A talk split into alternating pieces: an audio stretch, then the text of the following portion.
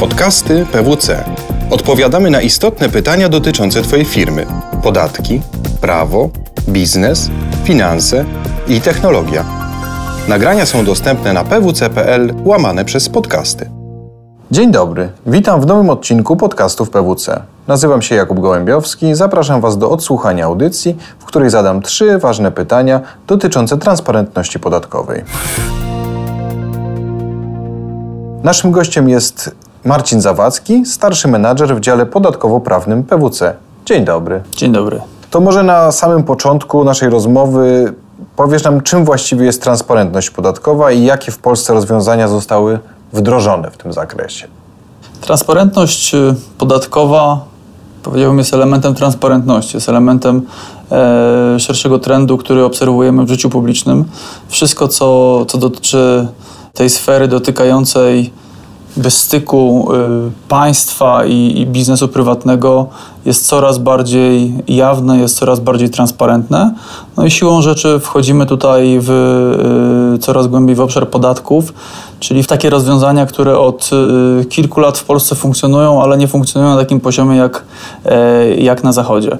E, transparentność podatkowa jest de facto współpracą administracji z biznesem, współpracą na e, powiedziałbym, dosyć e, równym polu, nie w kategorii e, jakby władczym, tylko w kategorii kooperatywnej i w, w tym zakresie transparentność podatkowa jakby postępuje i ewoluuje.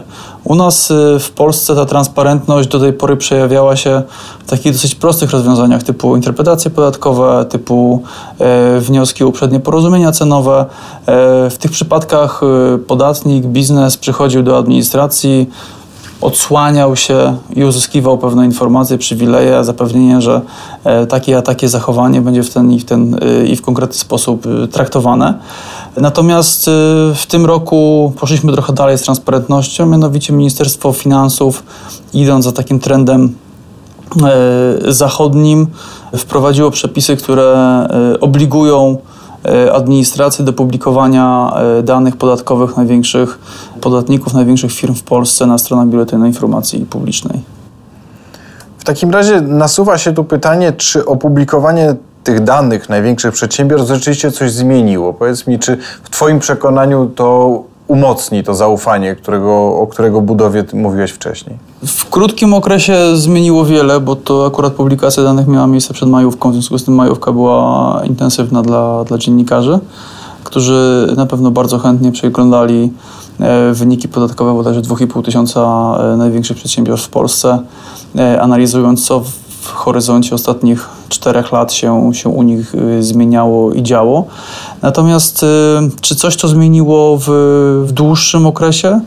Zmieniło o tyle, że jakby mamy coraz dalej postępujący ten proces y, y, jawności i proces dobrowolnego odsłaniania się przez podatników, bo oczywiście samo ujawnienie danych miało, miało, zostało wymuszone, po prostu administracja ujawniła te dane, natomiast jakby patrząc na to szerzej, no to to, co zostało ujawnione, to jest jedno. Pytanie, co nie zostało ujawnione, a, a podatnicy chętnie o tym powiedzieli. Jakby cały sens tej transparentności to jest samoregulacja rynku, czyli doprowadzenie do sytuacji takiej, kiedy to nie państwo kontroluje podatnika, tylko podatnicy kontrolują się sami.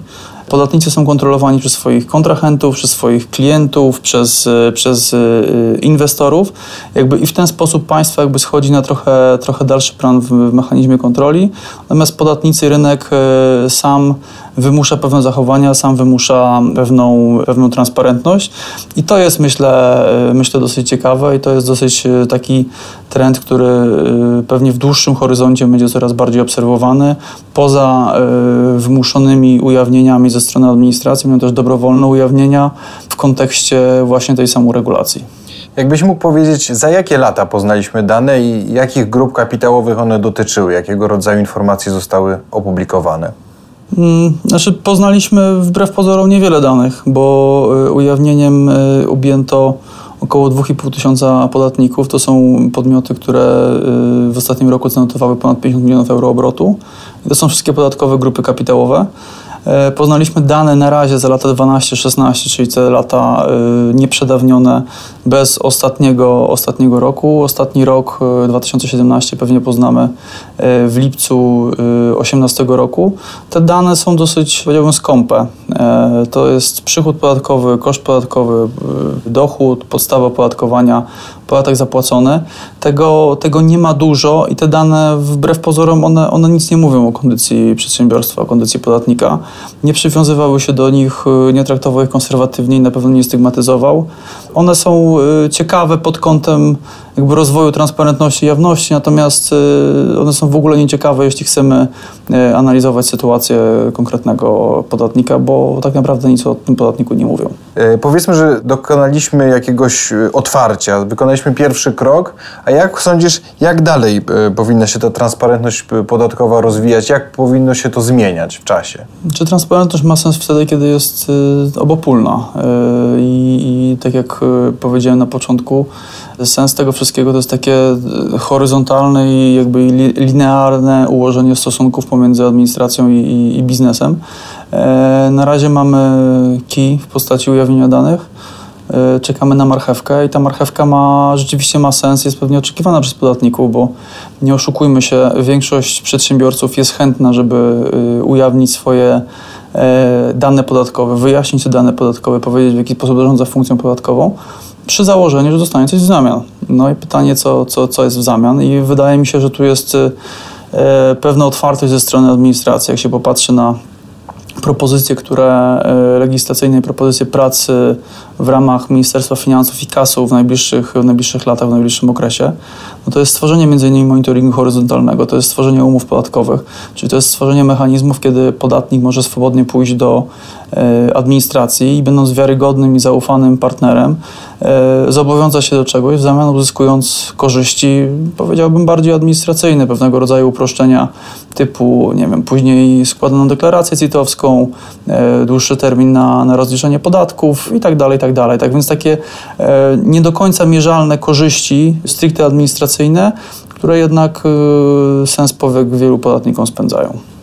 A tak jeszcze kończąc naszą rozmowę, czy wśród podatników, wśród grup kapitałowych te regulacje mogą budzić jakieś obawy? Czy jakby mogą y, spowodować, że trzeba podjąć jakieś działania związane z tą transparentnością podatkową? Idealnie byłoby tak, żeby cały rynek był transparentny i cały rynek spójnie podchodził do kwestii raportowania danych podatkowych. Oczywiście na ten moment tego nie mamy. W dłuższym horyzoncie czemu nie? E, są różne instytucje, są różne fora e, w Polsce, gdzie tego typu informacje można by było ujawniać. Tak jak wspomniałem, te dane, które zostały ujawnione, są dosyć ubogie i dotyczą ograniczonego kręgu e, podatników, przedsiębiorców. Ci, których dane ujawniono, czy się czują bardziej zagrożeni? Chyba nie. Mogą czuć się trochę poszkodowani, że tylko ich dane są ujawnione, a dane konkurencji na przykład nie, są, nie, nie były publikowane. Te dane są skromne, ubogie, ale, ale z, jakby wywołały pewne zainteresowanie rynku. Mam informację na przykład od jednej firmy, która zawsze chciała zobaczyć dane swojego głównego konkurenta, które nigdy nie były dostępne, gdyż nie były składane sprawozdania finansowe. Natomiast dzięki tym danym zobaczyła, jak wygląda y, kondycja konkurencji. Tak więc ja myślę, że to będzie stopniowo postępowało, że będziemy schodzili coraz, y, coraz niżej, jeśli chodzi o próg wartościowy, próg obrotów, że tych danych będzie coraz więcej e, i będziemy schodzić z perspektywy jakby y, państwo będzie wymuszało to schodzenie, ale też dobrowolnie będziemy coraz więcej tych danych publikować właśnie po to, żeby zapewnić tą samoregulację, tak, żeby to koło zamachowe, które gdzieś tam zostało poruszone, dalej się kręciło i kula śniegowa leciała dalej. To w takim razie zagadnienie można uznać za rozwojowe. Będziemy mu się przyglądali w kolejnych odcinkach. Bardzo dziękuję za wysłuchanie tego odcinka, a Marcinowi za ciekawą rozmowę. Dziękuję. Podobał Ci się odcinek? Podziel się z innymi oraz śledź nasze kanały. Więcej podcastów PWC znajdziesz na stronie pwc.pl ukośnik podcasty oraz w aplikacjach iTunes i Google Music. Do usłyszenia w kolejnym odcinku.